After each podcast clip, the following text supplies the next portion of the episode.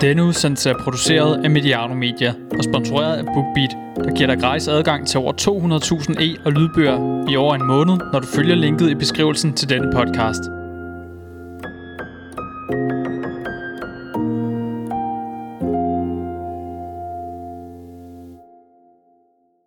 Den europæiske Superliga opstod, imploderede og døde så igen tirsdag aften. Sådan ser det i hvert fald ud her i talende stund. Og talende stund er onsdag formiddag, og vi vil i øh, denne her breaking-udsendelse forsøge at samle op på ja, alt det har jeg egentlig skrevet i mit øh, meget intimistiske manus her. Øh, alt det, der foregik i aftes, men det kan jeg faktisk ikke love, at vi kommer til, fordi der foregik jo utrolig mange ting. Men noget af det, i hvert fald det, der skete tirsdag den 20. april, det var jo i sandhed en, en skældsættende dag, og især aften i europæisk fodboldshistorie. Kenneth Hansen, hvordan vil du beskrive din tirsdag aften foran øh, skærmen, og måske især øh, computeren og telefonen? Jamen, øh, nu er det jo sådan, når man arbejder med journalistik, så, så har jeg nogle gange at udvælge nogle dage, hvor at, at de er afsat til min, øh, min kæreste og jeg, hvor vi har tid til at se sammen. Nu har jeg en, en kamp i aften, jeg skal kommentere, så der er jeg ikke hjemme. Så det var ligesom afsat til det, men øh, jeg blev så nødt til klokken 20 at sige, at øh, det bliver fra, fra sengen og alene, at, at jeg kommer til at op, øh, op øh, holde mig, så, så bestiller jeg en pizza, og så lå jeg og spise pizza i sengen og scrollede Twitter igennem de næste fem timer, og så min telefon var nærmest ved at brænde sammen, og det var også det, der skete ude i Europa, at tingene brændte sammen langsomt. Det må man i den grad sige. Og ude i Europa, der har vi jo øh, en, en, en udsendt øh, korrespondent, kan vi sige, i den forstand, at øh, Nikolaj Lisberg, som er journalist, øh, arbejder blandt andet for UEFA og øhm, skriver på diverse øh, fodboldsites, og altså også er vores faste mand blandt andet omkring Bundesligaen her på Mediano, og så er øh, fast omkring Champions League. Nikolaj, du, øh, du sidder i, øh, i det spanske selvfølgelig, og har fulgt med øh, derfra også på det her øh, forløb i aftes. Hvor, øh, hvor mange gange tjekkede du dit øh, Twitter-feed? Og det er næsten nemmere at sige, hvor mange gange jeg ikke tjekkede det, fordi altså, der skete jo så meget der øh, i går aftes, som du siger. Altså, jeg synes jo, at søndag og mandag var, var voldsomme i forhold til de nyheder, der kom ud, men det var jo intet at forregne, øh, eller intet at regne mod det, der skete i, i går. Altså, da den ene nyhed bare tog den anden, og det vrimlede rundt med den ene udmelding, som så blev modsagt øh, sekundet efter. Altså, det var, det var virkelig hektisk. Altså, øh, nu er jeg ikke transferjournalist, men jeg forestiller mig lidt, at det her, det er, det er noget af det, sådan, de der store transfer deadline days. Altså, det er lidt det samme, vi sad med i går, bare hele fodbold-Europa, hele fodboldverdenen, fordi det var så monumentalt, øh, det der skete. Det var fuldstændig monumentalt. Uh, Kenneth Hansen, du er jo hørt, hvis jeg lige skal lave en, en introduktion af dig også nærmere, og nu fik jeg lige at høre, hvem Nikolaj Lisberg er, hvis ikke I er klar over det derude. Uh, Kenneth er, er vært på uh, vores serie, der hedder Mediano Moneyball, uh, blandt andet, som det her er uh, tredje afsnit af. Uh, så er du uh, kommentator også. Kenneth, du har en kamp i uh, aften. Det er vist Juventus, der skal, der skal spille en anden form for fodboldkamp, hvis man har tid til at, at følge med i den slags. Øh, og så er det jo selvfølgelig en del af redaktionen her på Mediano, hvor vi jo mødtes her til morgen, og vi sad i øvrigt også og, og talte sammen øh, i går ved midnatstid om, øh, altså, hvad, hvordan griber vi det her an? Hvad, hvad, hvad er det for nogle facts, vi har på bordet lige nu? Hvad er det egentlig, der er foregået? Øh, og, og hvad er det, vi skal, vi skal ja, sætte i søen her i morgen, øh, i morgen formiddag? Altså, først og fremmest, nu drister jeg mig til at kalde det en skældsættende aften, kende til at starte. Det synes jeg jo, det var. Hvilke ord vil du øh, sætte på sådan begivenhederne? Ja, jeg deler nok den ting. Altså skældsættende, det, det var vildt, øh, og nok også det vildeste, jeg har oplevet i min forholdsvis korte karriere. Jeg tænker, I to har været måske lidt længere med i gamet, men, men jeg synes virkelig, det var voldsomt, og, og jeg kan godt følge Nikolaj, det han siger, at, at det, der kom frem søndag, var voldsomt. Øh, det var også lidt svært at forholde sig til, fordi der stod egentlig ikke så meget i de her øh, officielle statements, de her udmeldinger, der kom. Øh, så vi vidste ikke rigtigt, hvad det var, at det ville blive til, og nu står vi så 48 timer eller 72 timer senere med en helt anden virkelighed, så det er gået stærkt, og jeg, har, jeg tror, at man har det lidt sådan, at man har været, været en del af et, et flystyrt eller et eller andet lignende, man ikke helt er gået op for en, hvad det er, der er foregået endnu. Altså jeg skal stadigvæk prøve at samle mig og ligesom få det her forkrum overblik, selvom jeg har bare været på Twitter i, i 48 timer konstant, tror jeg.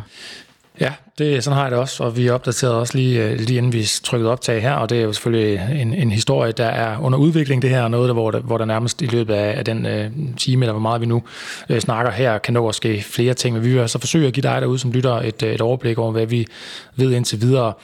Jeg hedder jo et øh, Adam Møller Kumar. Jeg kommer helt sikkert til at træde ud af, af værtsrollen undervejs i, i den her udsendelse også, men jeg skal altså for, forestille at være en form for ordstyre på det her. Men det er også meningen, at jeg tænker, at vi Øh, kommer med netop opdateringen på udviklingen, opsamlingen, men også altså personlige takes og, holdninger kommer helt sikkert også i, i spil.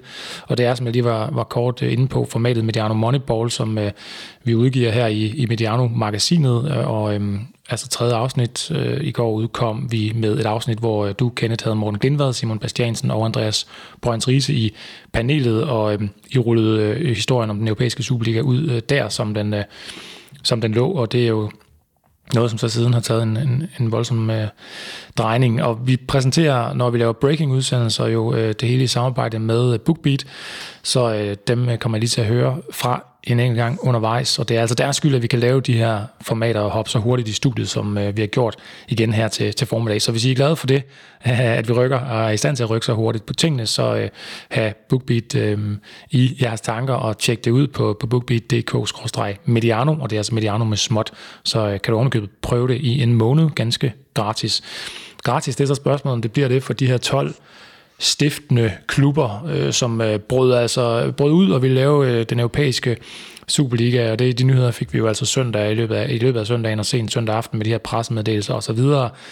Øh, så begyndte der allerede mandag at være øh, nye øh, spekulationer på, øh, øh, ja, hvor det her det skulle bevæge sig hen af. Øh, tirsdag, altså i aften skulle, eller, eller mandag aften var, var Liverpool for det første i, i kamp mod Leeds. Tirsdag aften skulle Chelsea så i, øh, i kamp mod Brighton, hvor øh, Chelseas øh, fans altså lavede den her blokade af bussen. Spillerbussen kunne ikke komme ind på Stamford Bridge, og det betød, at kampen blev udskudt i et kvarter.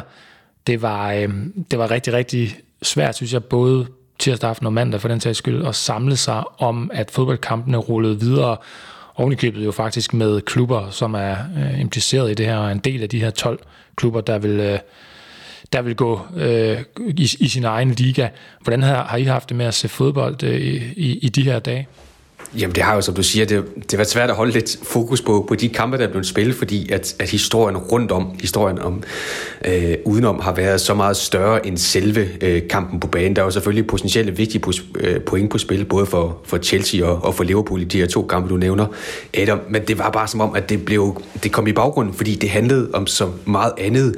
Og jeg synes også, øh, nu var det ikke så mange mål, vi fik i, i Chelsea-Brighton, men, men da Liverpool scorede for eksempel, altså, jeg ved ikke, det kan også være, det er mig, der læser for meget i det, men jeg synes, det var sådan en, en afmålt øh, jubel, de kom med, fordi de vidste godt, spillerne er jo også, har jo også været sådan holdt lidt som, som gisler i det her. Det har jo ikke været deres beslutning, at deres klubber øh, skulle med i den her udbryderliga, og nu har vi også begyndt at se spillere, der ligesom øh, har taget til genmelde og på diverse sociale medier og kom ud med deres budskab omkring det. Så det blev sådan lidt på en måde, som om at fodbolden, i hvert fald det, der skete på banen, kom lidt i baggrunden, fordi der foregik en større kamp øh, uden for krigsdrejerne. Ja, for mit vedkommende, jeg har ikke set fodbold, siden at jeg forlod øh, kommentatorboksen søndag eftermiddag på bagkant af Atalanta Juventus, så har jeg ikke set fodbold på noget tidspunkt. Og, og for mig, altså jeg har også sagt det i andre formater her på Mediano, der har det seneste år været, været hårdt i forhold til at, at konsumere fodbold, at jeg simpelthen er blevet træt af det, og det har bare accelereret de seneste døgn i forhold til det. Altså, du nævner selv, Adam, at i aften skal, skal Hebo og jeg komme til at, øh, Juventus kamp mod Parma. Lige nu, øh, med 8 timer eller 10 timer til den kamp, jeg har virkelig svært ved at se, hvad, hvad meningen med den fodboldkamp egentlig er. Altså det, det, det er derhen, jeg er, og jeg har svært ved at, at sætte mig op til den, og, og skulle sætte mig og forberede mig til, mig, øh, eller til den kamp i eftermiddag. Jeg har virkelig svært ved det lige nu, fordi at der er krakeleret så mange ting i det, så så, så ja, jeg, jeg ved ikke, hvornår jeg skal sidde og sætte mig og se en fodboldkamp på normal vis igen. Men jeg har det sådan lidt, omvendt giver det også nogle, jeg ved, ikke, jeg ved ikke jeg tror, jeg mangler det rigtige udtryk, men altså for eksempel møder Cadiz i aften øh, Real Madrid, og de har været ude at sige nu her, at, at de kommer med sådan en speciel trøje øh, mod, Superliga, øh, mod den her Superliga, lidt ligesom vi så med, med Leeds. Øh, og det er jo netop en, et klub som, som Cadiz mod mægtige Real Madrid. Det er jo de her historier, hvis den her Superliga stadigvæk bliver til noget. Det er jo de her historier, vi går glip af. Så, så jeg sidder også med sådan lidt følelsen af, at, at det her, vi ved jo ikke, hvad der sker med den her Superliga endnu, at det her sådan en af de sidste opgør af de her små hold, der sådan kommer op og truer øh, de store hold. Så jeg synes jo, jeg kan sagtens følge det, du siger, Kenneth, med, at, at det er svært at, øh, at konsumere al den her fodbold, og især med det her uden fans osv. osv.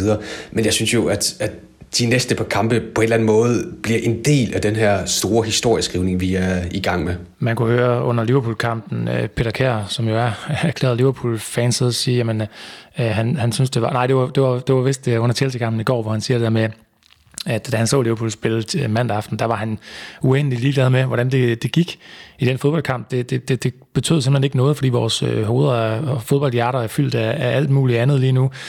Og, øh, og meget af det er jo nok også øh, fortvivlelse over, over det, der er sket. Man føler sig på en eller anden måde øh, forrådt.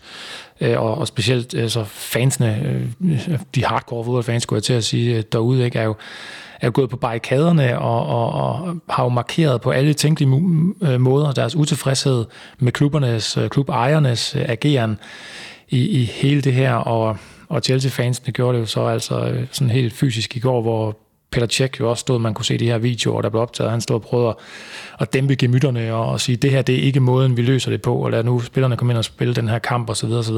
Men jeg må indrømme, selvom der var top 4 point på spil øh, de her to aftener her, jeg synes, jeg sad med samme følelse, som, øh, som Peter Kær udtrykte, øh, at, at jeg synes, det var så det var så, det var så ligegyldigt, og, og, og hvad betyder det i det hele taget at komme i Champions League for, for Premier League-klubberne og så videre. Ikke? Altså, de, kan jo, de kan jo til hver en tid øh, true med at lave den her udbryderliga, og nu kom det så, så vidt, så de rent faktisk offentliggjorde planer for at, at ville gøre det, og, og det blev, det blev fremlagt som om, nu er beslutningen truffet allerede til august. Skal der spilles kampe? Der er blevet lavet en hjemmeside, øh, som øh, jeg var inde og tjekke ud også. Øh, ikke nogen stor hjemmeside, men og, sådan det grafiske udtryk har jeg også sådan hørt i talesat som, som noget, hvor folk måske fik den her opfattelse af, Ja, men mener de det nu også? Er det nu ikke bare igen en raslen med sablen, øh, sablerne over, øh, vi er utilfredse med, at vi ikke får penge nok, eller en stor del nok af, af pengekagen i Champions League og, og så videre, og så videre, fordi vi er de største klubber. Det er os, der, øh, der skal have den største bid af, af kagen. Øh, var det, altså har I opfattelsen af, at der er en grad af bluff over det her, eller var det kommet til at ske, hvis ikke fans som, øh, som, som os og alle mulige andre var, havde udtrykt utilfredshed og var direkte gået på, på gaden, som jeg har set det i England? Altså, det, det har i hvert fald været mere seriøst, end det nogensinde har været før. Altså, vi har jo hørt planer om de her Superliga. Øh, jeg tror, det er siden 2009, at Florentino Pérez første gang øh, nævnte det, Real Madrids øh, præsident, at det her det var en mulighed. Og så har vi sådan ligesom næsten sådan årligt, som sådan en årlig tradition, jamen så har vi hørt snak om det, øh, men vi har sådan skubbet det lidt hen, fordi det er aldrig sådan rigtig blevet til noget. Det er sådan, der er nogen, der har råbt, ulven kommer, men det var lidt som om, at den her ulv, den aldrig kom. Jeg synes, det vi har set i år, det vi så søndag aften, da de her 12 klubber gik ud med de her øh, meddelelser. Øh, det var så... Øh, ja, gennemarbejdet, vil jeg ikke sige, fordi som du siger, Adam, så hjemmesiden, den, den ligner noget, øh, jeg kunne have lavet i, i WordPress på en, på en formiddag. Øhm, og, og der har selvfølgelig, har det vist sig, har der ikke rigtig været øhm, et fundament på plads. Men de har trods alt fået nogle aftaler, de har lavet de her, øh, de her, de her 12 stifte medlemmer, der har været en plan for, hvor mange kampe der skulle spilles, hvordan det skulle øh, gribes an og sådan noget. Så jeg synes ikke kun, det er bluff. Det her, det er, det kan godt være, de kan ende med at benytte det her til at presse nogle yderligere reformer igennem for UEFA. Men det her, det, sådan som jeg ser det, så har det været et klart øh, forsøg på at faktisk at genskabe den Superliga, som vi nu har hørt snak om i, i over 10 år. Jamen, jeg er enig i alt det, du siger, Nicolai, men jeg har stadigvæk lidt eller at det er et bluff-nummer, der er blevet kaldt på en, smu- på en måde, fordi Adam, du henviser til den her hjemmeside. Øh, jeg har også set andre folk, øh, dygtige folk, kommentere på at sige, at, at hvis det her havde været for real, hvis de havde virkelig sagt, nu dropper vi det her, nu skal vi spille første runde en gang i august, som der er annonceret den her øh, udmelding, så har der også været, altså nu ser vi, når nogle klubber, også bare hjemme i Superligaen, altså vi skal ikke øh, op på den helt store klinge, når de annoncerer noget, så er det nøje planlagt, og også ofte med nogle fotoshoot bagved og sådan noget. Altså, så har du set Messi, Ronaldo stå med hver sin bold med, med det nye Super League-logo på i nogle nye trøjer, og der har været fremlagt nogle sponsor, sponsorer, der skulle være inde over det her, og en plan for det og sådan noget. Det har vi ikke set endnu. Så, så for mig at se har det været, øh, altså, jeg synes, vi befinder os lidt i en kulisse af, af, af et fiktivt spil, der har foregået, og så lige nu, så lider vi og alle sammen sidder og, og klør os lidt i hovedbunden og tænker, hvad er så den dybere mening ved det hele? Det er derhen, jeg er i hvert fald og det kan jeg sagtens følge, men jeg tror også bare, at vi skal huske på, altså det er jo, selvom det ikke har været særligt genarbejdet, så er det ikke noget, der bare er opstået den, den seneste uge.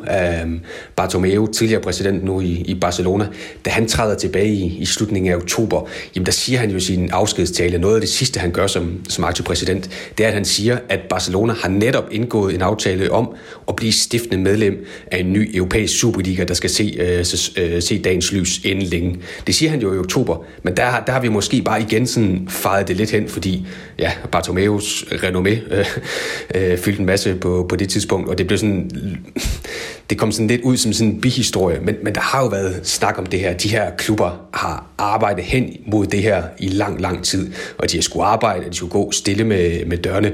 Så det kan godt være, at der er, en, der er en smule af bluff i det, men jeg synes alligevel, at det er mere reelt, end det nogensinde har været før. Og jeg tror, der har været, i hvert fald fra, fra en del af klubberne, har der været et, et oprigtigt ønske om at danne den her Superliga fuldkommen enig, men det er jo også bare det er hammerende interessant. Du nævner det her øh, eksempel med Bartomeu. Jeg kan huske Glindvad i, i den udsendelse, der lavede mandags, hvor han var en af paneldeltagerne, nævnte også det med, Florentino Pérez fik fremskyndet et præsidentvalg i Real Madrid, så det nu lige pludselig fandt sted hen over et par uger, fordi der var ikke rigtig måske nogen, der kunne tro ham, så fik han afviklet det nu her, så det ikke skulle være på bagkant af en altså, op, brud mod øh, en European Super League, som han var medstifter af og sådan noget. Så, så der er sket mange ting. Jeg kan også huske for mit eget kære Arsenal, at, at, at uh, Josh Kroenke, som der er søn af Stan Kroenke, der ejer aktiemajoriteten i klubben, også var ude for nogle år siden, hvor det så måske aller værst ud i, i en periode hen over de sidste 30 år, hvor han sagde, at vi går en lysere fremtid i møde, hvor folk og fans uforstående sagde, hvad er det, han refererer til der? Altså, så, så der har jo været noget, der er foregået bag ved linjerne i rigtig, rigtig mange år, så Silvio Berlusconi øh, vil gerne øh, oprette en Superliga for 35 år siden, 33 år siden. Det blev så til Champions League og sådan noget, så selvfølgelig har det stået på i lang tid. Jeg er godt klar over, at det ikke er noget, der er foregået øh, fra, fra natten, fra, fra, fra lørdag til søndag. Men, men jeg mangler stadigvæk at finde de her brækker, som vi, som vi leder efter et eller andet sted, vi har tabt på gulvet, fordi der, der, der er mange af dem, synes jeg. Ja, vi leder efter nogle prikker, og det er jo også en udsendelse som, som her, hvor vi helt sikkert vil komme til at stille flere åbne spørgsmål øh, derude, end vi kommer til at give svar. Og jeg tror ikke, der er ret mange, der sidder med svarene lige nu. Øh, og, og det, derfor er det her også tænkt som mere en, en, en diskussion og det, vi øh, så har at, at gøre godt med de brikker, vi kan flytte lidt rundt på øh, lige nu. Og så er der sådan nogle brikker, der står med, med, med spørgsmålstegn på, så vi kan ikke ligge puslespillet, men, øh, men, men som ja, som, som lytter øh, derude, eller som podcastforbruger selv, øh, har jeg også bare en, øh, sådan øh, et, et, et behov for nu, at nogen de, de talesætter det her med, hvad, hvad, er det, der, hvad er det, der er foregået, eller hvad er vores øh, take på det, der er foregået. Jeg kunne godt, I nævner Florentino Pérez, jeg kunne godt forestille mig, at når der bliver holdt de her Zoom-møder, så er det Florentino Pérez, der ringer op.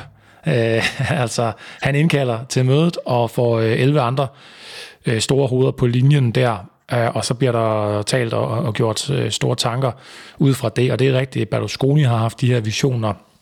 Tidligere Champions League blev formet som, øh, som et eller andet sted øh, øh, altså lidt i samme spor, lidt i samme øh, idé om at maksimere profit øh, og, og lade mesterholdene mødes, og lade mesterholdene spille i en knockout-format, eller ikke i, i, i gruppespilsformat og så videre, i forhold til det her med, den europæiske øh, turnering har jo tidligere været knockout, øh, og der var ikke så mange kampe, men vi vil gerne, øh, vi vil gerne presse nogle flere kroner ud af, ud af fansene, ud af tv-selskaberne og, og så videre. Det er jo det, der er tanken fra, grundtanken fra de store klubber. Vi har de bedste spillere, vi har de største klubber, de største brands. Hvorfor skulle vi lade de mindre klubber. Hvorfor skulle vi lade Cadiz, når vi er Real Madrid, trække os ned i sølet, eller gøre vores øh, øh, for, fortjeneste mindre, og, og, og så videre. Og spørgsmålet er, altså, man skal nok ikke undervurdere øh, manglen på fodboldviden hos de her hoveder, der sidder og, og, og kommer på de, de kløgtige planer på det her Zoom-møde, i forhold til at, at kunne have forventet reaktionen. Altså, det, det spørgsmål stiller jeg jo mig selv i hvert fald øh, hurtigt. Hvad havde de, hvad havde de regnet med? Jamen, det er et godt spørgsmål, men jeg tror oprigtigt talt, at der er mange af de her ledere, selvfølgelig er de jo ikke dumme, øh, og de ved jo også godt, at, hvad der foregår i, i fodboldmiljøer.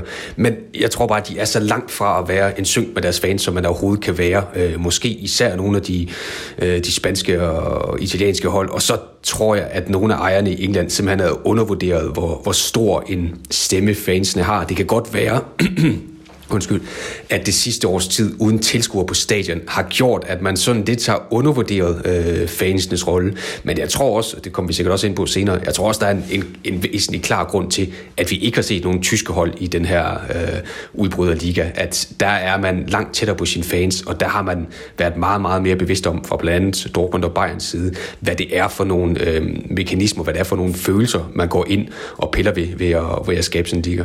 Det synes jeg er hammerende interessant, og jeg ved, Nikolaj, du ved jo også en masse omkring øh, tysk fodbold. Det kunne være interessant at få det take på, fordi da jeg lavede udsendelsen med, i mandags, der refererede vi også til, når man det, det, det ventes, at sæde nummer 13, 14 og 15, det tages af Paris, Dortmund og Bayern, fordi det var det oplagte i forhold til også sportslig øh, placering i hierarkiet og sådan noget.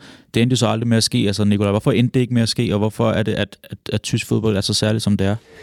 Jamen, tysk fodbold altså, er jo særligt i den forstand, at klubberne er ejet af fansene. Det er de jo selvfølgelig også i, altså det, det er Real Madrid og Barcelona for den sags skyld også, men man er meget tættere på, fordi man har den her 50 plus 1 regel, øh, uden at skulle gå i alt, alt for mange detaljer, jamen så betyder det bare, at 51 procent af, de stemmeberettede øh, stemmer, jamen de skal tilhøre moderklubben. Det vil sige, at der kan ikke komme en udenlandsk ejer ind, som vi har set i især øh, Premier League eller i, i nogle af de andre ligaer, og købe en klub. Øh, klubben er stadigvæk ejet af medlemmerne, af fansene. Og så er der bare i Tyskland, øh, det er, jeg plejer at sige, at det er det mest øh, konservative land, når det kommer til fankultur.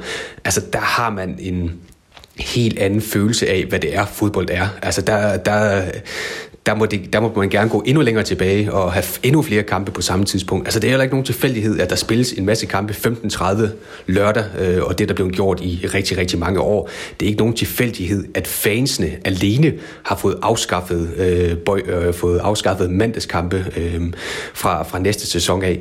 Det er ikke nogen tilfældighed, at, at når man har forsøgt fra det tyske fodboldforbunds side at få et kinesisk hold ind i den fjerde bedste tyske række, jamen så har fansene taget til genmæle, og så har de fået det sparket ud efter en enkelt kamp. De tyske fodbold, øh, fodboldfans, jamen, de taler med en samlet stemme. Man plejer at sige i Tyskland, at in der Herzen, øh, get, øh, in, der, in der Farben getrennt, in der Sacken vereint. Altså, at man er delt i, i forhold til farverne på klubtrøjerne, men man er enige om det vigtige. Man har en fælles stemme i det tyske fanmiljø, og det gør, at man taler øh, med en enorm kraft, øh, og man kan mobilisere en enorm kraft på så kort tid. Så jeg tror, at det kan godt være, at Karl-Heinz Rummenigge og Hans Joachim Watzke, selvom de så har været ude begge to at sige, at, at en Superliga ikke er måden at gøre det på, jamen så kan den mening måske også godt have været påvirket af, at de aldrig nogensinde vil ture og lægge sig ud med fansene, fordi den kamp vidste de godt, at de ville tabe på, på forhånd.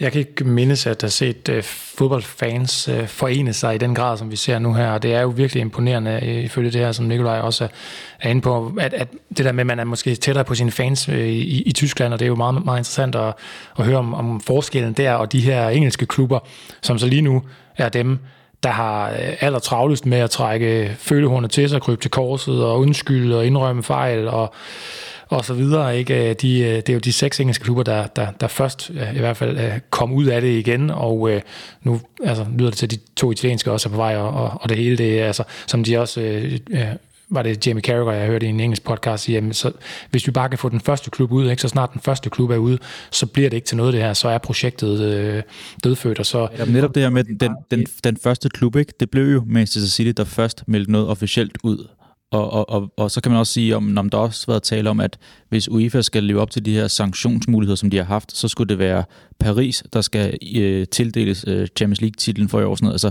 hvor tragikomisk er det ikke, at vi nu sidder og, og fremhæver Manchester City og Paris Saint-Germain, og i tale af dem som de fromme lam. Altså, det er lige før, jeg vemmes over det, fordi det er for pokker dem, der er en stor del af årsagen til, at vi er kommet så vidt, at de er blevet øh, øh, kunstigt, fiktivt pustet op til noget, de ikke er, og har, har bokset over noget, som, som de reelt ikke har gjort sig fortjent til. Det er kommet udefra, og så står vi igen i en problematik. Altså hvis, jeg, hvis, hvis vi skal gøre det her, og, og hvis, hvis Tyskland er bannerfører for noget, og den måde, de gør det på, så, så kræver det jo en, en, en reformering, en reform og, og måske en lille mini-revolution på fodbolden. Jeg kan bare ikke se det ske for mig, fordi nu også, altså Mundo Deportivo skriver her til morgen, at, at, at UEFA står klar til at at tildele nogle af de her klubber, der nu tager til genmæle, trækker øh, øh deres øh, deltagelse i ESL tilbage igen. De står klar til at præmiere dem med, med millioner af summer. Altså, så ender det med, at, at Arsenal og Tottenham kommer til at tjene flere penge på, at de har øh, meldt sig ud af noget, for så at, at komme med ind i det igen, end West Ham og Leicester, der lige nu ligger til at tage måske ydermandaterne i Champions League i, i, i Premier League via deres sportslige kvalifikationer og deres sportslige præstationer i år. Så igen, for mig, så bliver det bare en ny glidebane, som vi er ved at kreere nu her. Og det, og det er netop helt rigtigt, det du siger, Gettet. Altså, det er jo vanvittigt, at vi sidder her. Øhm, 72 timer efter, og så lige pludselig er, er fodboldverdenen vendt på hovedet, så nu er UEFA lige pludselig det, og FIFA the good guys, og PSG, de er moralens vogter. Altså, det, det er jo næsten det billede, der er blevet optegnet her de sidste ja, 72 timer. Men, men med PSG, der tror jeg simpelthen ikke på, at det har noget med moral at gøre. Det har udelukkende fordi, at de er ejet af Katar. Katar øh, og FIFA har et, øh, et forholdsvis øh, stærkt, øh, stærkt forhold. De skal ikke ud og lige pludselig bryde med, med FIFA på et tidspunkt, hvor der er en meget, meget kontroversiel VM-slutrunde, som de vil gøre alt for at holde fast i med, med næb og klør. De skal ikke ud og give FIFA en anledning til lige pludselig at, at komme på andre tanker, end der skal spilles VM i, i Katar. Så jeg tror også, at, at det er jo vigtigt at huske, at det her det er ikke en historie om the good and the bad guys. Det her det er en historie om the bad guys og så the evil guys. Altså, det er jo der, det er jo der vi er. Altså, det er jo, det er jo, det er jo to under, øh, men, men lige nu, så bliver, der, så bliver der skabt nogle historier, som ikke har rod i virkeligheden.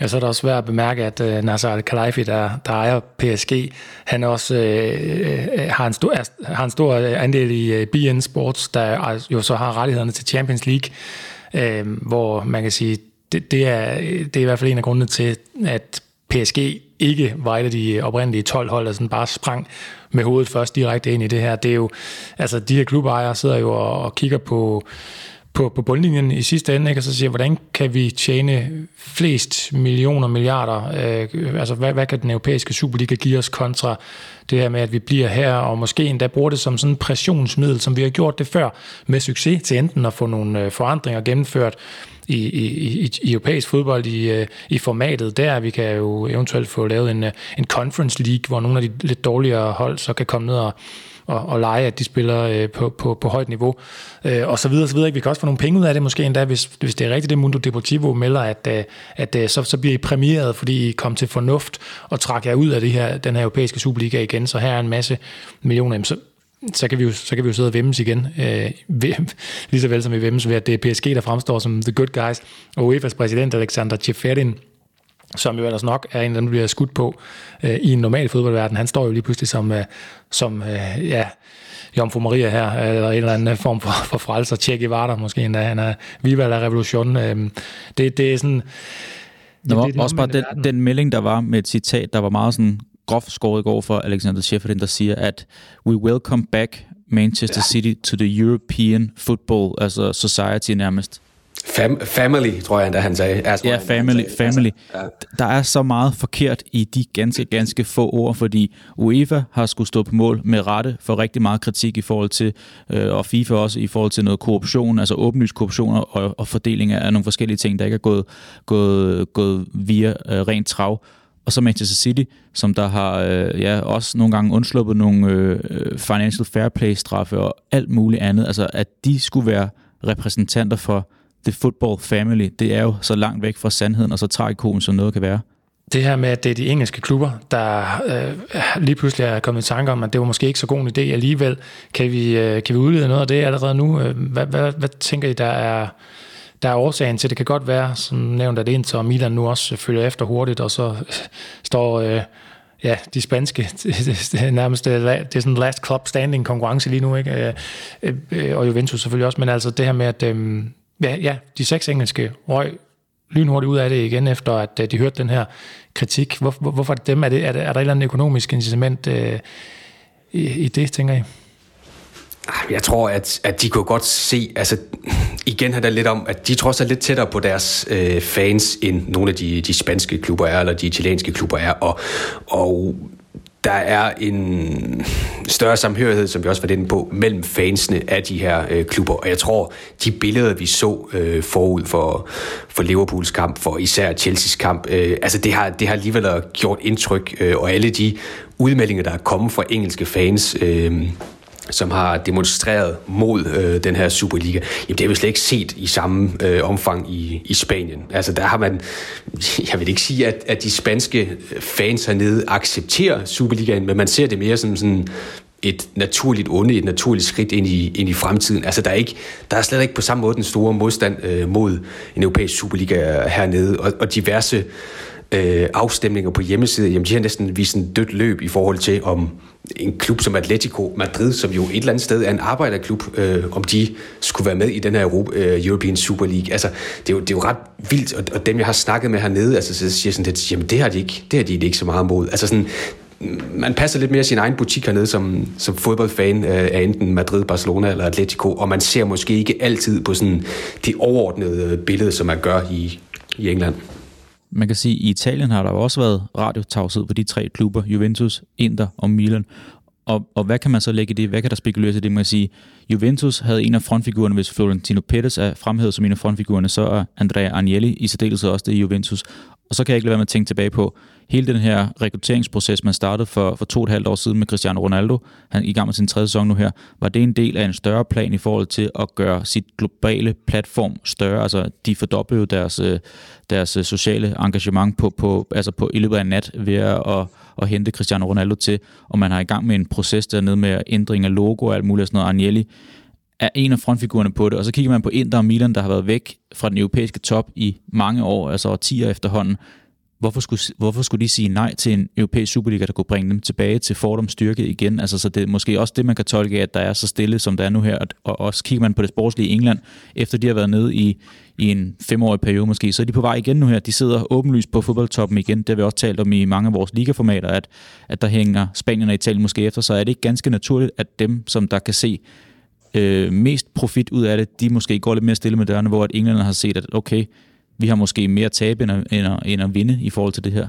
Og så bare en tilføjelse i forhold til de, de, de spanske klubber. Altså, vi har jo allerede set uh, Supercup blive spillet i, i Saudi-Arabien. Der har været saudiarabiske spillere i, i nogle af de, uh, de spanske La Liga-trupper. Uh, der var jo tanke om, og det er der jo stadigvæk, at La Liga-kampe skal spilles i, i USA og, og Canada. Altså, så på den måde har man jo allerede over lang tid, ligesom du også siger, kendet med, med nogle af de italienske klubber, jamen så har man jo været i gang med at flytte La Liga, uh, spansk fodbold og alt det her til andre markeder for at Europa markedsandel. Og det er jo det, det handler om. Det er jo, det er jo at erobre andre øh, markedsandel, og så ultimativt øh, tjene flere penge. Så igen, så har man måske været lidt længere i den proces, øh, og fansene hernede er på den måde, øh, hvad skal man sige, blevet modnet lidt mere i forhold til at kunne se muligheder i en europæisk Superliga.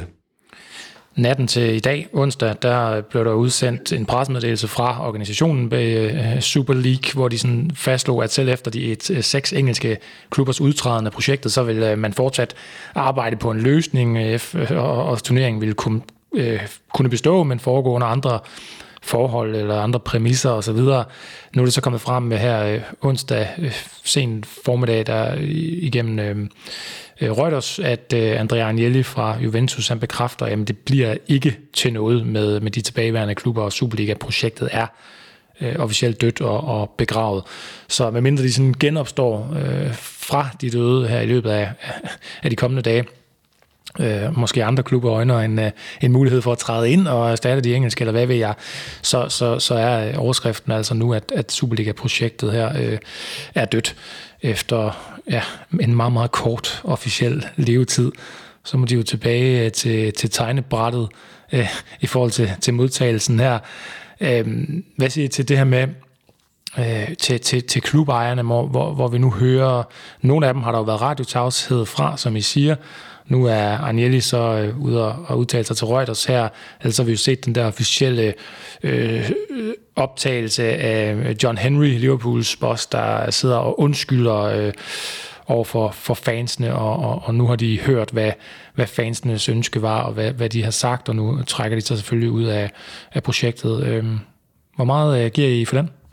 Nej, ikke, ikke særlig meget. Altså det, det var ligesom om, det var den eneste mulighed, de ligesom de havde. Det var jo bare at lægge sig fladt ned og så sige, at øh, de har begået en fejl, fordi det har været et selvmål af, af rang, en, en offentlig ydmygelse af de her klubejere, som, hvor det endegyldigt er bevist, hvis der var nogen, der skulle være i tvivl om, at de her, de tænker ikke på, på de lokale fans, øh, de tænker ikke på klubbens ved og vel, de tænker udelukkende på at, at tjene nogle penge, og helst så, så mange af dem af slagsen. Så jeg synes, det der bliver interessant nu, jamen det er jo om den her, hvad skal man sige, snibboldeffekt, der er påbegyndt af de her fans, i, især i England, hvor man så har kunne, kunne ligesom få klubberne på så kort tid til at, og, øhm, øh, at gå imod en, en stor beslutning, jamen kan det på en eller anden måde øh, medføre, at man nu kan komme i en situation, hvor man ligesom kan vælte klubejere, altså tvinge klubejere ud af, ud af, øhm, ud af de her Premier League-klubber. Det bliver det næste punkt. Altså, fortsætter fansene nu her, eller er de tilfredse med den sejr, de så har fået med, at, at øh, ESL ser ud til at være, være dødt, eller går de skridtet videre? Det synes jeg bliver interessant at, at følge de næste, de næste par dage. Ja, man kan sige, at det første hoved er jo rullet, om det så var en del af en større plan, men Ed Woodward har jo opsagt sin stilling i, i Manchester United. Øh, så ved jeg også, at nu begynder de her fangrupperinger, som du refererer til, Nikolaj, også dig dem, de begynder at lukke blod nu her. Altså, nu er det Glazer out, nu er det Cronky out, nu er det, hvad det ellers kan være rundt omkring, at der bliver også stillet store spørgsmålstegn ved, kan Andrea Agnelli fortsætte i sit virke?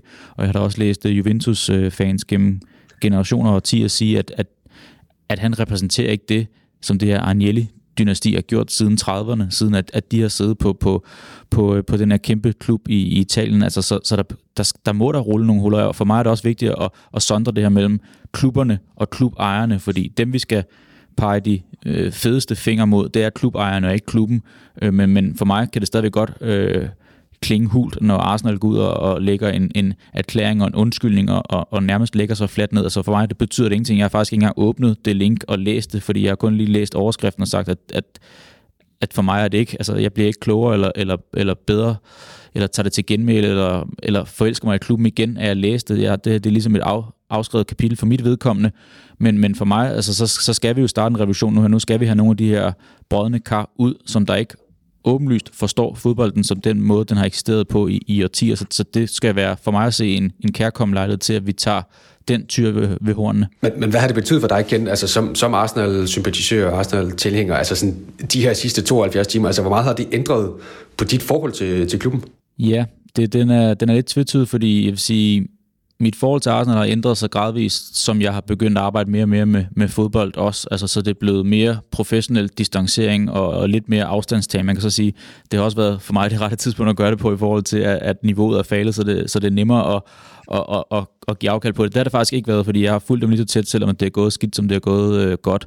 Men, men for mig at se, så den Europa League semifinal, man skal spille næste torsdag mod øh, Villarreal, den betyder ingenting for mig. Jeg er fuldkommen ligeglad med, om de vinder, taber, spiller uafgjort, om de kommer i en Europa League-final, der potentielt kan give dem adgang til en Champions League, som man ikke ligger til at kvalificere til overhovedet i Premier League i år. Jeg kunne ikke være mere ligeglad. Altså, det er nærmest som, at jeg hælder mere til, at jeg ikke ønsker, at de kommer i Champions League, fordi det synes jeg reelt de fortjener. Men jeg har heller ikke sådan, at det har ramt mig hårdere, at Arsenal er blandt de her 12 klubber. Det har ramt mig lige så hårdt, at Real Madrid, at Barcelona, at Chelsea melder sig under fanerne. For mig at se, så er det bare, at at fodbolden på en eller anden måde er blevet så beskidt, så råden og så indespist med skuffeaftaler rundt omkring, at vi, at vi nåede til det punkt, at, at det rent faktisk kunne rulle ud over den her startstreg, som vi har øh, haft den parkeret lige op af i så mange år, men at det kunne rulle ud over det og komme så vidt, det er det, der får mig mest. Så er det faktisk ikke så meget, at, at Arsenal er blandt de 12, der var oprindeligt med.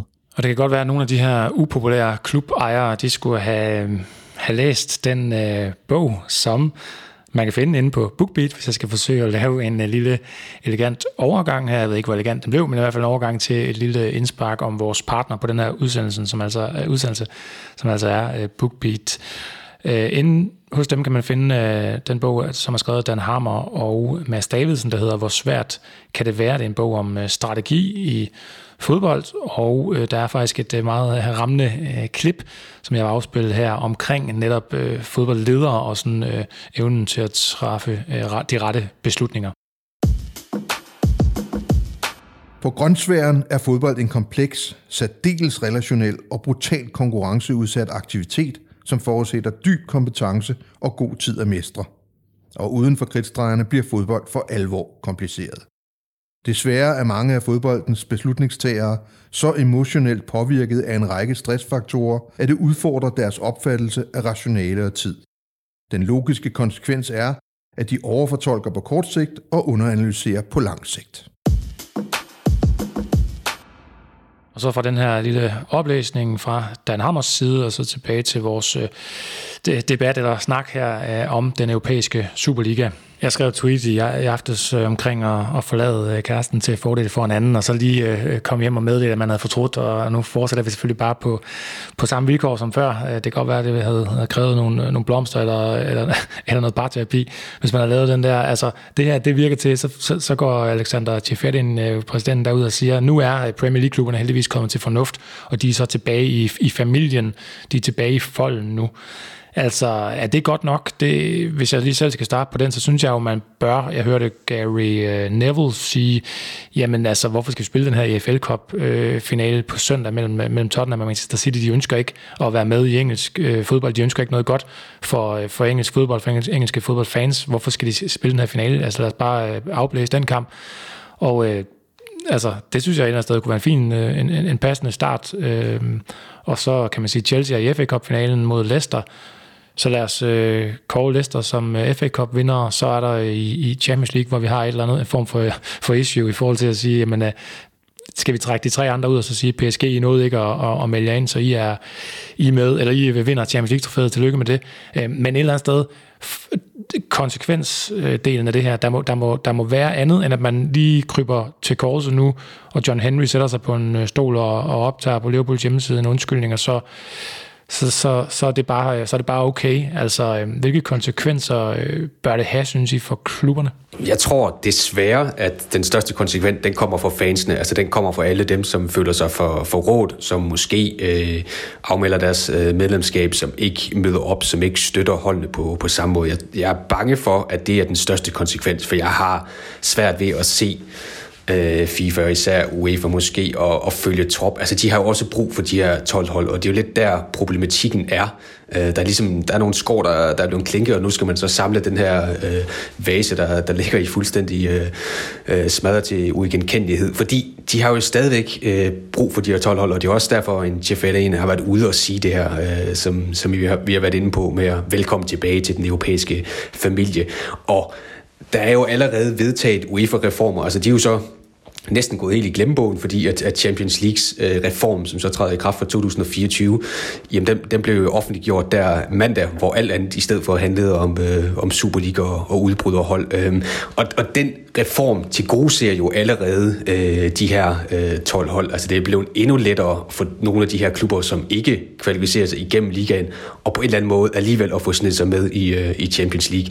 Så jeg har svært ved at se, at hvis de her hold, øh, de, de seks engelske, og hvis de italienske, og på sigt øh, de spanske også øh, følger trop, og undskylder og siger, vi er brødbetinget, og jamen, så tror jeg, de bliver, så tror jeg, de kommer tilbage i, øh, i folden. Jeg kunne godt tænke mig at se, at de bliver straffet, fordi det synes jeg, altså det skal ikke være omkostningsfrit at komme med sådan en udmelding og på true med og smadre fodbolden, som vi kender den, og så 48-72 timer senere, så er det hele bare glemt. Men jeg frygter, at der ikke rigtig øh, sker det store. Jeg hører, hvad I begge to siger, men altså, det skal have konsekvenser. Altså også, Adam, du nævner den her FA Cup-finale. Prøv at tænke på, hvor antiklimatisk det vil være for Leicester at blive tildelt noget, de har spillet sig til. En klub, som der ikke vinder forfærdeligt meget. Nu havde de så et mesterskab for en 5-6 år siden. Men at de bliver tildelt den på baggrund af andres, undskyld mig, fuck-ups rundt omkring. Altså at deres grådighed lige pludselig ender med at spænde ben for dem, og så bliver en klub som Leicester som der sikkert også har et eller andet øh, skelet eller to i skabet, men nok ikke øh, til nærmest så mange som nogle af de andre klubber. Men, men prøv at tænke, hvor antiklimatisk det vil være. Og du nævner det her, Nikolaj, med, at fodbolden har stadig brug for de her 12 klubber. Ja, UEFA, UEFA har brug for de 12 klubber. Er det, er, undskyld, undskyld, ja. UEFA selvfølgelig. Så kan du kalde mig naiv og sådan noget og sige, har, har de så også det? Altså, hvis vi skal sanktionere dem allerede, og vi skal, vi skal reformere noget og revolutionere noget, så skal de sanktioneres så hårdt, at vi kan finde andre glæder i den kommende øh, Champions League-sæson. Altså, så må det blive de næstbedste hold, og så bliver niveauet noget andet i en tid, men har vi en bedre mavefornemmelse omkring det? Er det ikke så oppust? Er det ikke så fake? Er det ikke så disnificeret, som det, det alligevel er blevet hen over de seneste par år? Jeg kan også huske, nu refererer jeg til mandagens udsendelse igen, hvor Morten Glimmer, han siger, at han er også derhen at sige, nu har vi prøvet at, at presse det og tilpasse det, og, og de her større klubber fra de større ligaer har ved Gud fået, hvad de har bedt om. Nok også mere end det. De har presset til tronen gentagende gange, hvor der er kommet revurderinger, reformeringer af den nuværende Champions League-format hele tiden, der hele tiden favoriserer de større hold fra de større ligaer. De har fået det langt hen ad vejen, som de vil have det. Deres grådighed har spændt ben for dem nu her. Det skal de straffes og sanktioneres for. Og så må vi som forbrugere, som elsker fodbolden, vende os til, at så er det måske ikke de aller, allerstørste spillere fra de aller, allerstørste klubber, men så må produktet i en tid lide under det, men så må vi måske genfinde rødderne til det fodbold, den blev bygget på oprindeligt. Ja, og nu øh, har vi henvist til den her udsendelse øh, tidligere, som det, øh, jeg fik vist sagt, det var i går, du optog den igen. Det var mandag selvfølgelig, at du har samlet det her øh, panel, med, hvor Morten Lindvad sagde, sagde det her blandt andet. Øh, og, øh, den kan jeg lige linke til også i, i artiklen, der, der, fører, eller, hvad der følger med den her udsendelse, så I kan få hørt den også. Og ja, der tror faktisk, der var en enkelt lytter, der skrev, at han synes næsten, I havde været for, for positiv omkring den europæiske Superliga, den udsendelse. Det var, det var som om, at man, man talte hele tiden for, hvad der kunne være godt ved den og så videre. Og det synes jeg jo faktisk er rigtig fint, og en, en styrke i også ikke bare lod jeg rive med og var en, en, en, en forsamling af øh, vristende, vristende mænd, øh, der, øh, der kun kunne se tingene fra, fra den ene side. Så, så det var fint at få den nuance med. Og det, det, det er jeg ikke bange for, at vi bliver anklaget for den her gang, for at være for, for flinke ved den europæiske Superliga. Det kan selvfølgelig godt være, at der er noget, vi, hvad kan man sige, en vinkel, vi, øh, øh, vi ikke har med i forhold til, hvor, øh, altså om, om vi hænger jo, et eller andet sted, vi hænger jo de her klubber ud og siger, se nogle, øh, se nogle idioter i, i jer. Tanken var fuldstændig håbløs fra, øh, fra start, og det er man jo velkommen til at mene øh, noget, noget andet om, men det tænker jeg, det, det er, fordi det er det, vi mener, at, øh, at man smadrer fodbolden ved at lukke kredsløbet og sige, øh, øh, ja, sådan noget som op- og nedrykning, øh, og, og det, det kan jo ikke komme på tale. Vi skal være sikret og være med i, i det fine selskab. Men i forhold til, om der er, om der er noget, vi, øh, vi overser, Kenneth, vi snakkede lidt om det, inden vi gik i gang med at optage her til morgen, at vi kender jo altså langt fra den fulde sandhed endnu. Vi har de her øh, brækker i puslespillet med det store spørgsmålstegn på. Men, men øhm, hvilke, dele af, hvilke elementer er det, du, du tænker, vi, vi måske kan have overset, vi, vi kan forvente svar på, der sådan kan give en eller anden form for, for forståelse måske for, for de her klubbers, klubejeres øh, agerende? Hvis jeg lige må kommentere på den kommentar til mandags udsendelse, så, så, så spottede jeg den også godt og, og, og tænkte også over det, fordi jeg, jeg vil gerne påtage mig den, den gamle vristende mand i dag, fordi det har virkelig været, jeg har virkelig været ramt i, i de her døgn, der har været, fordi jeg føler mig lidt udsat for et overgreb i forhold til det, som jeg er vokset op med, det jeg er forelsket mig i, men, men, men jeg kan samtidig heller ikke lade være med at tage de analytiske briller på og sige, der er simpelthen noget, som vi overser, som vi ikke kan læse mellem linjerne i øjeblikket, at det, der bliver lagt ud nu her. Fordi vi har talt om det, det har været noget, der har været i støbeskeen, der har været undervejs i årtier, i 20-30 år, og måske intensiveret hen over de sidste 10 år. Det er kloge, højtuddannede folk, der sidder i store, store positioner. Så kan vi diskutere om deres... Øh, Øh, indsigt i, hvordan fodbolden og fodboldens mekanismer fungerer, hvor stor den regel er. Altså, der har I jo øh, fremlagt nogle ting og siger, at så stor er den måske heller ikke. Men der må simpelthen være en dybere mening bag, som vi ikke kender til endnu. Jeg sidder i hvert fald stadigvæk og mangler den der aha-oplevelse. Og så har vi spor til det ene og det andet, og vi kan overtolke eller fortolke på nogle ting og sådan noget, men, men vi mangler stadigvæk de her reelle svar. Det er også det, som der bliver sådan hovedelementet i den her udsendelse, som du også siger, der kommer måske flere spørgsmål, end der kommer svar nu her. Altså, jeg kan kun læse i det. Jeg kan simpelthen ikke tro, at de her kloge, højtuddannede folk, de kan fejlfortolke så meget, at man efter 48 timer, 72 timer, bliver nødt til at krybe til korset og, og ind i, i musehullet igen og sige, vi har, vi har fejlforregnet et eller andet. Det kan jeg simpelthen ikke tro. Altså, jeg tror, man har set på det som en, en decideret business case, og så har man, ja, hvor naiv den lyder, så har man simpelthen taget alt, hvad der hedder følelser ud af, af det her, og det er jo der, man så øh, nok ikke har forstået, hvad fodbold er, og hvad fans, øh, hvad der driver fans. Altså, så har man set en mulighed for at tjene flere penge. Men jeg savner bare, altså jeg synes jo, den argumentation er hullet i og med, at jeg siger, ja, vi kan, øh, vi kan tredoble vores indtægter, hvis vi, vi laver den her liga. Det er i hvert fald de tal, vi sådan har fået frem. Og det er jo fint nok, det giver jo også øh, flere penge. Men hvis der kommer flere penge ind i fodbolden, jamen så bliver de jo bare kanaliseret videre til endnu højere lønninger, og endnu mere, altså på et eller andet tidspunkt, så, så stiger boblen jo bare, og så står vi om 5-6 år i, i en ny situation, og hvad, hvad er det så? Så skal vi have en ny Superliga, hvor det kun er de, de bedste fem hold, der klarer sig. Altså det er jo, ja, jeg er enig i det med dig, Kenneth, altså der er jo det er hullet, den måde, det sådan er, er skruet sammen på. Altså, jeg, jeg synes ikke, man har tænkt uh, særlig langt frem. Og det, at Florentino Perez altså, dristiger sig til at sige, at de er ude og redde fodbolden, fordi uden en Superliga, så er fodbolden død i 2024.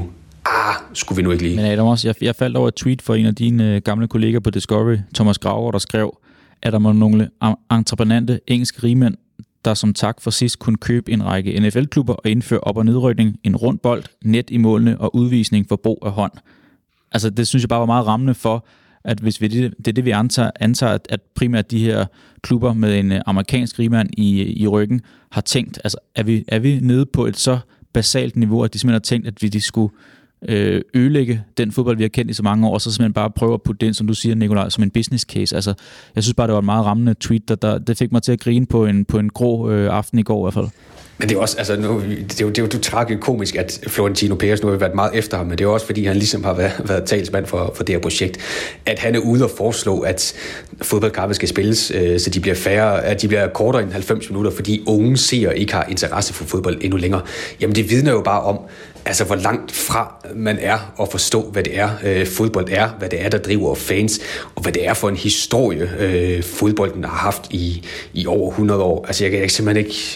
Ja, det, man kan godt sidde og grine lidt med det, med det ene øje, men man sidder jo og græder med det andet øje, fordi det er jo dybt tragisk, at det er sådan nogle personer, der, der står i spidsen for den sport, som vi, som vi alle sammen elsker. Og hvis jeg lige sådan fik omtalt mig selv som en gammel mand for lidt siden, så vil jeg faktisk også gerne vente til at sige, at det kan også godt være en mulighed, det her for, at vi, altså jeg, jeg ser det som et springbræt til, at vi kan udvikle på noget, fordi nu har vi haft et år med corona, der har været øh, nedadrigtigt. Vi har haft en indførelse var de seneste par år, som der ved Gud ikke har fungeret efter hensigten, og også øh, skabt splid i de her fangrupperinger, som vi også har omtalt som en af drivkraften for, at det her European Super League ikke blev til noget. Nu blev den her Superliga så heller ikke til noget. Nu har vi, håber jeg, og tænker jeg også set toppen af isbjerget omkring det her, så vi kan snart ikke nå højere op på, på, på nederen skalaen i forhold til, hvad fodbolden har budt os. Så, så det kan også godt være mulighed for, at vi kan gå mod lysere tider. Det er i hvert fald den vej, jeg vælger at se på det, sådan, når vi når hen frem omkring øh, onsdag middag nu her. Ja, den udvikling har jeg også hørt fra altså Manchester United-fans, der jo i så mange år nu har, har kaldt på, uh, på Glazers uh, afgang, eller at de skulle sælge klubben, og på uh, et Woodwards afgang, fordi han nok var en god, eller er en god forretningsmand, men ingen forstand på fodbold har. Nu får de det så som en direkte konsekvens af, af det her, virker det i hvert fald til indtil videre, at, at, øh, at Woodward øh, går til sommer.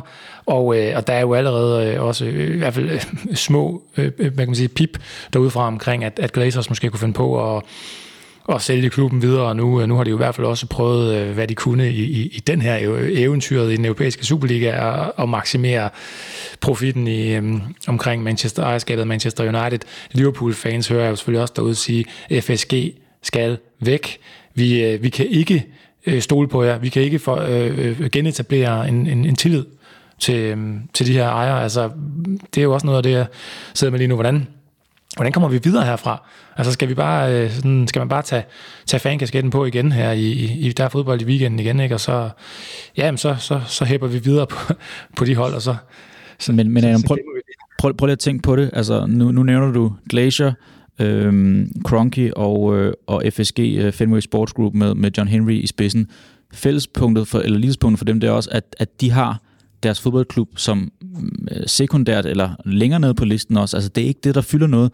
Hvis du skal overføre det til erhvervsbranchen og, og sådan noget, altså nu ved jeg godt, at der er også nogle superinvestorer rundt omkring, som der har tusindvis af projekter i gang og sådan noget, men, men hvor, hvor, hvor skævvridende og hvor ødelæggende er det ikke for en branche, at man har folk, der sidder i topposterne på nogle af de førende klubber, som der har det som, som noget sekundært, eller nu kan jeg ikke øh, det fine begreb for, hvis det, vi skal længere ned på skalaen end sekundært, altså hvis det er så langt nede i deres, i deres øh, daglige virke, det, det, det, det, det må i og for sig være, være ødelæggende, og, og man kører ned ad bakke frem for op ad bakke. Men, men så lad os antage, at de får de her ejere smidt ud, at det bliver det næste skridt. Jamen, hvad sker der så? Kommer der så nye ejere ind, eller hvad sker der? Altså nu, I dækker Premier League mere intenst, og følger Premier League mere intenst, end, end jeg gør. Altså kunne I forestille jer, med det jeg har hørt og læst de sidste par, par dage, at man decideret kunne, kunne hvad skal man sige, adoptere en, en tysk model med en 50 plus 1, at man simpelthen bringer klubberne tilbage til, til fansene, eller er det, er det løb, løb kørt? Jamen har de så meget magt, de her øh, engelske fans? Altså det, det er jo spørgsmålet, ikke? At, Altså er det virkelig den her fan-uprising, øh, der, det her oprør, der, der gjorde, at klubberne de, de krøb til korset eller, øh, og trak sig ud af projektet? Altså fordi det så jo, det så jo fedt ud, at, øh, at fansen stod på gaden, og jeg så det her skilt i, i, i Chelsea med We Want Our Cold Nights in Stoke, og, og det, er jo, det er jo rigtig fedt, og det er jo også godt at se det her, men når vi står sammen, så kan vi faktisk flytte noget. Men altså er det det, der er sådan er hovedårsagen til, at de har følt sig så presset, eller, eller er det økonomi? Har man brugt det som business case, som du siger, Nicolaj, og så, og så vurderet øh, risici, øh, og, og, og, og, altså i forhold til, hvor meget har vi, øh, har vi brændt her, øh, også rent økonomisk, øh, har vi brændt nallerne, og hvor meget kan vi, altså damage control, og hvor meget kan vi kontrollere ved at trække os tilbage nu, og, og, og, og dermed miste, miste mindre. Og det kan jo godt være, at, at øh, FSG nu sidder og så overvejer, okay, nu er modstanden mod vores ejerskab simpelthen så stor, så det kunne godt være, at vi skulle finde en anden måde at tjene penge på nu. Det kunne godt være, at vi skulle have solgt den her del af forretningen af, øh, og, så, og, så, og så fokusere på andre dele af, af forretningen, hvor vi kan tjene flere penge, hvor folk ikke er, øh, er så meget imod produktet, eller øh, det, det vi står for til at starte med, for de er jo ikke imod produktet, men de er imod det, vi har, har gjort det til, kan man sige. Jeg kan ikke forestille mig, at Roman Abramovic sælger Chelsea øh, lige om lidt, øh, fordi han, han sagde, at det var, det var fedt at være med i det her, eller at... Øh, at Manchester City lige pludselig skal på, på andre øh, hænder efter den her. Det tror jeg stadigvæk, det går for godt, og der er for mange penge i det. Men Liverpool og Manchester United er nok øh, Måske endda Arsenal også kendt, det ved jeg ikke, om, om, om det sådan er, af de tre klubber, hvor vi kunne forestille os, der kunne komme skifte, blandt andet på bagkanten af det her. Jamen det er jo et godt spørgsmål, fordi hvad vil det medføre, hvis vi siger, at, at de her tre amerikanere rører i de her tre øh, førnævnte klubber? Hvad vil det så medføre? Fordi for mig er det et helt stort spørgsmål økonomi, altså hvis vi skal have en lokal mand ind fra, fra London og overtage i Arsenal, hvad, hvad, altså, har han pengepunkt, der er stor nok til det, og er han så bare en, en London-udgave af de her amerikanere, altså har han så alt muligt andre ting på beding, som der gør, at Arsenal bare bliver et, et hyggeprojekt for ham og sådan noget. Er vi ikke, altså du taler om en boble tidligere, Nikolaj, som der bliver ved med at, at blive pustet op til, den snart ikke kan mere. Altså skal vi ud i the big boom, der ligesom øh, springer det hele, som vi har kendt det, øh, og som der er blevet pustet op og op og op gennem år og år og, og tiger. Altså skal den springes, den her ballon, for at det skal startes forfra? Og hvordan pokker starter man så sådan et her økosystem forfra? Ja, og hvor... Øh det er jo også meget interessant, hvor, det, hvor, hvor begyndte det det her for øh, øh europæ, den europæiske Superliga, øh, de store artede planer, hvor begyndte det at, øh, at smuldre for dem? Altså øh, i forhold til, øh, det gik meget, meget stærkt. Der kom selvfølgelig et pres udefra, og, og, og igen, vi snakker om fanpower, og vi vil gerne i hvert fald, øh, kunne det være fedt, hvis det var fortællingen, at vi fodbold, fodbolden tog spillet tilbage, vi fodboldfans overvandt kapitalismen og, og, og de her onde klubejere, men altså, er der andre dele af presset, der har chokeret dem til at, til ligesom at, at bakke ud, eller hvad, hvad tænker I? Jamen, jeg tror da også, at det pres, der er kommet, trods alt fra UEFA og FIFA, altså det, at de ikke kan være med i... Ja, de bliver smidt ud af deres nationale ligaer, øh, også for de nationale ligaforbund, at de bliver smidt ud af, af Champions League, at spillerne ikke kan være med i EM-slutrunder og i VM-slutrunder. Altså, vi ved ikke, om der er, er lovmæssig hjem til at gennemføre det her, men det er jo i hvert fald de trusler, der er kommet med fra både FIFA og UEFA. Altså, presset har været så massivt, også fra, fra de organisationer øh, og de institutioner, som, som nu FIFA og UEFA. Så det tror jeg, det må også betyde noget, fordi det her, det er jo også noget, der vil ramme spillerne potentielt. Lad os bare antage, at det her var gået i luften, og at øh, alle de spillere, der så spillede for de 12 klubber, jamen de måtte ikke være med til en EM-slutrunde. Vil spillerne acceptere det? Det tror jeg ikke, de vil. Altså, og, så, og så er der måske også kommet et pres øh, internt i, øh, i klubben, der er kommet. Vi har også set øh, nogle af trænerne, øh, Jürgen Klopp blandt andet, været ude at sige, at han synes stadigvæk ikke, det er en god idé. Altså, så der har jo også været, internt i klubben, øh, har der jo været pres på, på ejerne. Så jeg tror, at det her pres er, er, er ikke kun fansen selvfølgelig. Det, det er helt sikkert også kommet øh, internt, og så er det kommet fra UEFA og FIFA. Jeg synes, det er rigtig interessant det her med, med spiller- og trænervinkel også, fordi har klubberne tænkt, at det bare var en, en klassisk arbejdsgiver-arbejdstager-proces, det her. De er ansat på nogle øh, kontrakter, og dem har de bare at affinde sig med, og så kan det godt være, at rammerne omkring den har ændret sig markant endda, men det er stadigvæk jeres job at udføre det nede på banen. Jeg kan bare ikke lade mig at tænke på, som spiller, nu har der også været flere spillere ude, og, og nogle lidt flere prominente, som Dana har skrevet frem, Kevin De Bruyne i, i går aftes, der, der sagde, at han voksede op som den her lille rødhårede dreng med drømme om en hel masse, og nu bliver de drømme, det er ikke det, som, som han øh, kan stå inden for. Altså, men jeg kan bare heller ikke lade være med at være djævelens advokat på det, at, at spilleren har også en andel i det, men, men for at lige skal gøre den ene pointe færdig, altså hvis vi kreerer den her Super League, og de ikke kan spille for deres landshold, de ikke kan repræsentere øh, deres klubber i de nationale ligaer, bliver de så bare en form for, for Harlem Globetrotters? Altså øh, bliver Kylian Mbappé bare en, der skal rejse rundt omkring på kloden og spille de her 25-30 kampe i den her fiktiv oppustede Super League? Og, og hvad er formålet med det? Han kan ikke rykke op, han kan selvfølgelig vinde nogle titler og sådan noget, men, men, men titler på hvad? Det kan jeg da godt forstå, at spillerne tænker, det er, jo, det er jo heller ikke det. Ligesom vi fans og, og, og journalister, der har været kritiske omkring sporten og dækket den, og vokset op med den med, med en passion omkring den, det er jo ikke det, spillerne er vokset op omkring, men de bliver også taget gisler for noget, og, og mange af dem er det jo kommet fuldkommen bag på, de her udmeldinger. De er ikke blevet taget med på råd i forhold til, kunne det ikke være en god idé, at vi gør noget, som der i sidste ende kunne give jer x antal flere millioner, som de i forvejen ikke mangler nogen af, altså i, til udsigt det, det tror jeg da, at de har undervurderet kraftigt, de her klubejere, der har været inde over beslutningstræningsprocessen. Ja, det er spørgsmålet, om de er fuldstændig undervurderet det pres, der vil komme imod den her europæiske Superliga. Og så er det spørgsmålet, om, om, om de forstår budskabet, hvis ikke der kommer sanktioner eller store nok, dyre nok konsekvenser. Øh, så, så, fordi hvem, hvem siger, at vi ikke står her igen om et år eller tre eller et eller andet, hvis øh, Florentino han igen indkalder til et Zoom-møde?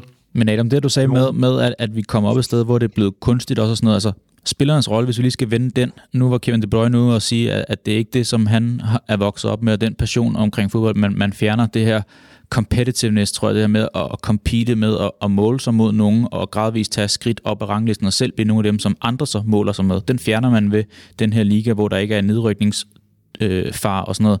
Men, men spillerne, de har også været med til, at altså, er Kevin De Bruyne klar til at gå 500% øh, ned i løn og tjene noget andet, for at klubberne så siger, at hvis det skal fungere efter det, som øh, fansene er skrevet på nu her, der skal være et økosystem, der fungerer, så bliver vi nødt til at at sænke vores udgifter, og det kunne være på, på personellet, altså på, på spillerne, kunne være noget af det første og mest oplagte at gå ned til at sige, at transfersummerne bliver markant lavere, så alle og flere klubber kan være med.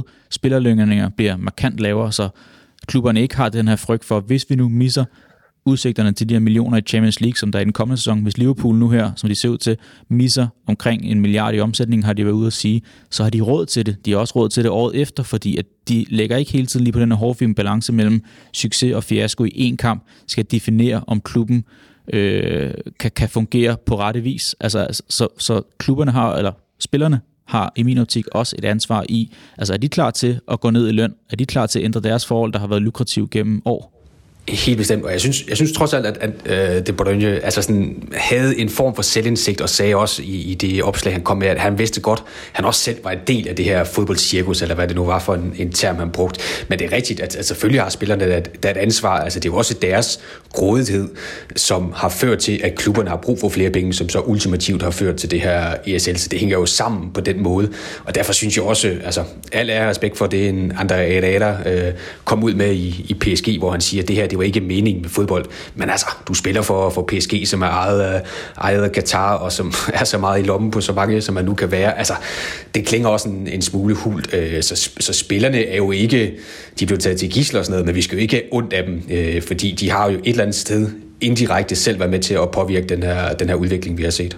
Og der kan man jo sige, at nogle af spillerne kommer måske sådan lige lovligt meget på bagkanten ude med nogle meldinger om, øh, om hvad de mener om alt det her. Der, der, der var jo ikke jeg synes ikke, der var så mange, der kom til, øh, til, til ord, der, da, da det kørte på sit højeste. Men efterhånden, som man hørte, at klubberne nu overvejede at, at bakke ud, så, så var der alligevel nogen, der godt øh, turde sige, hvad de, hvad de mente. Men så alligevel, altså, så må man jo sige ros til øh, Patrick Bamford fra Leeds og James Milner fra Liverpool og de andre Liverpool-folk, øh, Klopp, der også bliver altså forholdt det her, hvor han bliver sådan skubbet foran klubejerne og, og bliver gjort til talsmand for, for, for deres, øh, og bliver gjort ansvarlig for deres beslutninger, og hvor han jo øh, altså er, er meget, meget ærlig i de her interviews, og øh, øh, jeg synes, der er nogen, der, der, er nogen, der kommer styrket ud af, af, af, af i går, øh, og også mandag, i forhold til, øh, hvem der gemmer sig, hvem der tør at, at stå frem, og, og så sige det, som det er. Øh, og Gary Neville, som vi jo har fremhævet før, som bruger sin stemme som, som pundit til virkelig at at samle og, og sætte gang i den her øh, rullende snebold, der er så blevet større og større, som vi har set nu her. Og tænk, hvis vi kunne stå sammen på samme måde, som vi har gjort her, øh, spillere, klubber, altså ikke ejere, men øh, spillere, øh, aktører, fans, øh, journalister og alle mulige andre, øh, om alle mulige andre emner også, øh, som at få sparket racismen ud af fodbolden, eller, øh, eller hvad ved jeg. Øh, altså, det, det er jo fantastisk, at man kan flytte det, det som vi ser ud til at, at kunne have flyttet her på så kort tid. Men prøv bare at se, hvilke følelser det har vækket. Altså, det har vækket, at hele Liverpool-fanbasen stemmer i, i samme kor som Gary Neville. Det, det er så langt ud, vi er kommet jo.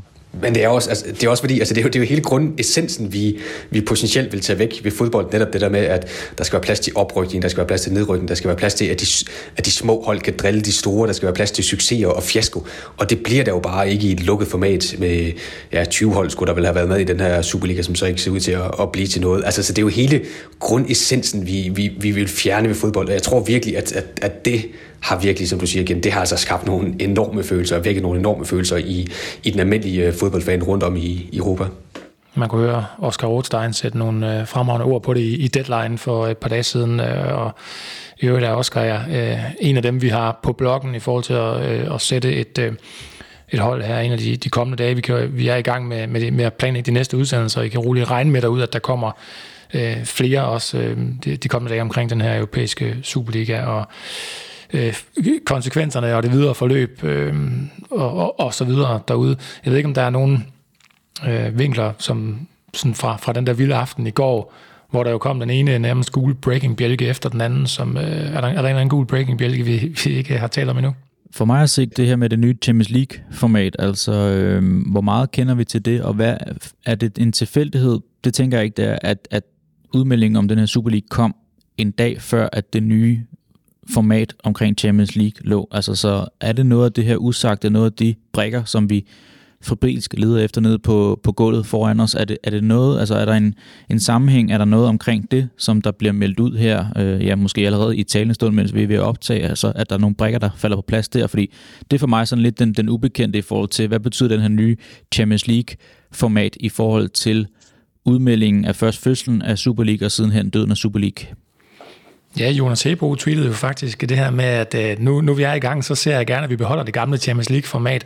Og det er jo faktisk en, det kan jo være et, et tweet med et glimt i øjet, men det er jo faktisk en, en god pointe, som du også fremfører der, Kenneth, i forhold til, altså som tidligere kommunikationsmand i en øh, midtjysk fodboldklub, der måske snart skal til at spille i Superligaen igen, øh, så, så vil jeg altså sige det her med, at man, som jeg også sagde, da vi lavede breaking udsendelse om Mourinho, øh, som jo fuldstændig druknede i mandagens andre øh, nyheder, hvad hedder det, i hvert fald, jeg tror ikke udsendelsen druknede, den er blevet hørt, det er vi glade for, men, men, men nyheden blev nærmest gemt væk.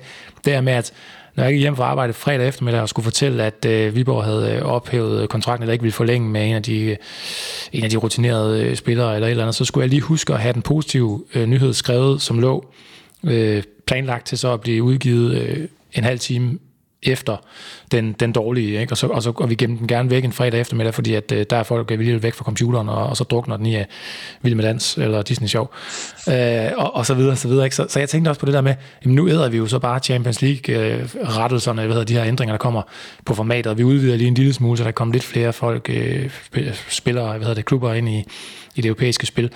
Og det er sådan, jamen det, det okay, det, i det mindste blev det ikke den europæiske Superliga, så, så fint nok, ikke? Men, men så er man også ude i, i den helt store kalkyle, hvis man sådan bruger øh, sådan hele det her setup til ligesom at få folk til at, til at æde det andet, så langt tror jeg alligevel, ja det ved jeg ikke, nogle gange overgår øh, virkeligheden og fantasien.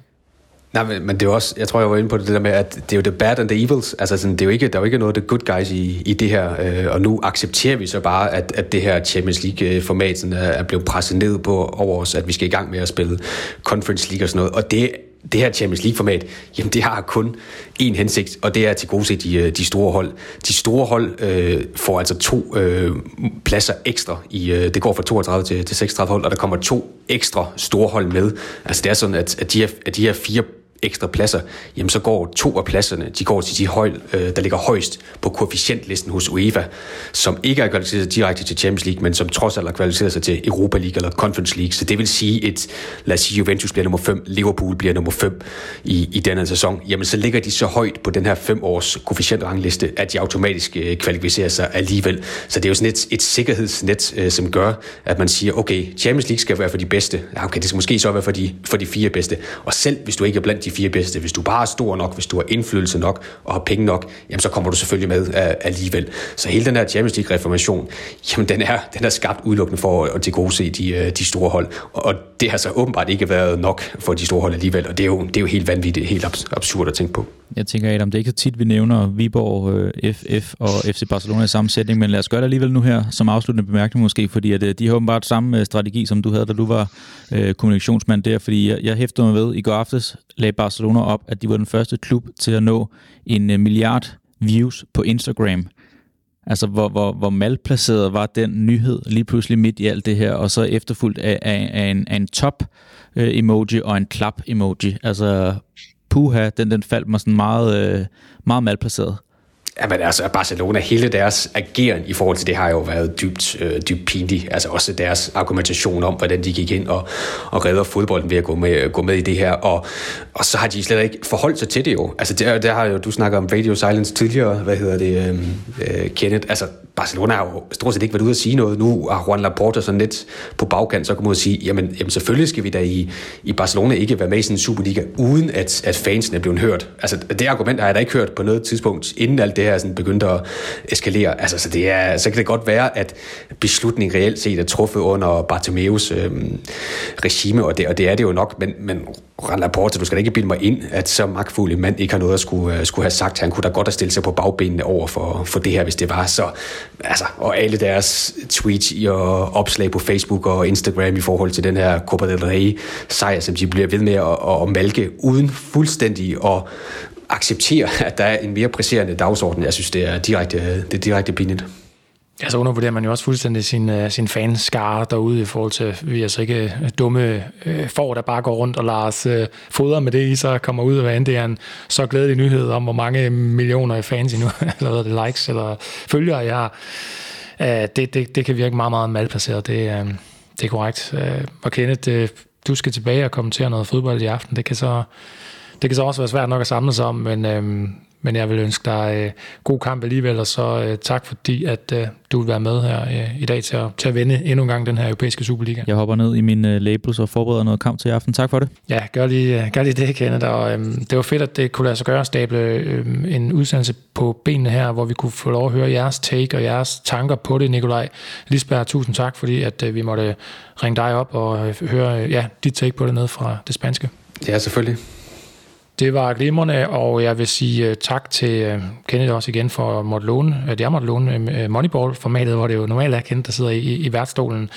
Vi er, som jeg tidligere nævnte, i gang med at sætte hold til de kommende udsendelser. Der kommer en masse øh, igen her de, de, de kommende dage, så lyt godt, eller hvad hedder det, kig godt efter dit podcast feed, og så håber vi, at du vil lytte med der. Vi håber også, at øh, du har lyst til at gå øh, ind og prøve øh, det her BookBeat-univers af, hvis du er til lydbøger, der er over 200.000 titler derinde. Det er altså bookbeat.dk-mediano med småt, så øh, kan du prøve det gratis af en måneds tid. Det er dem, der sådan set er grunden til, at den her udsendelse den er, er udkommet her i dag, at vi kunne skynde os i studiet. Vi øh, var sent øh, oppe i i aftes, skrådstræk nat, tirsdag den 20. april, den dag, der blev en, øh, en skældsættende dag for europæisk fodbold. Og vi var tidligere op i dag og arbejder videre på det. Nu må vi se, hvad øh, de kommende dage her bringer af nye historier i sagaen om den europæiske Superliga. Mit navn er Adam Møller Kumar, og det her var alt for denne udsendelse. En sidste tak skal selvfølgelig gå til dig derude, der har lyttet med. Tusind tak for i dag, og på rigtig godt genhør.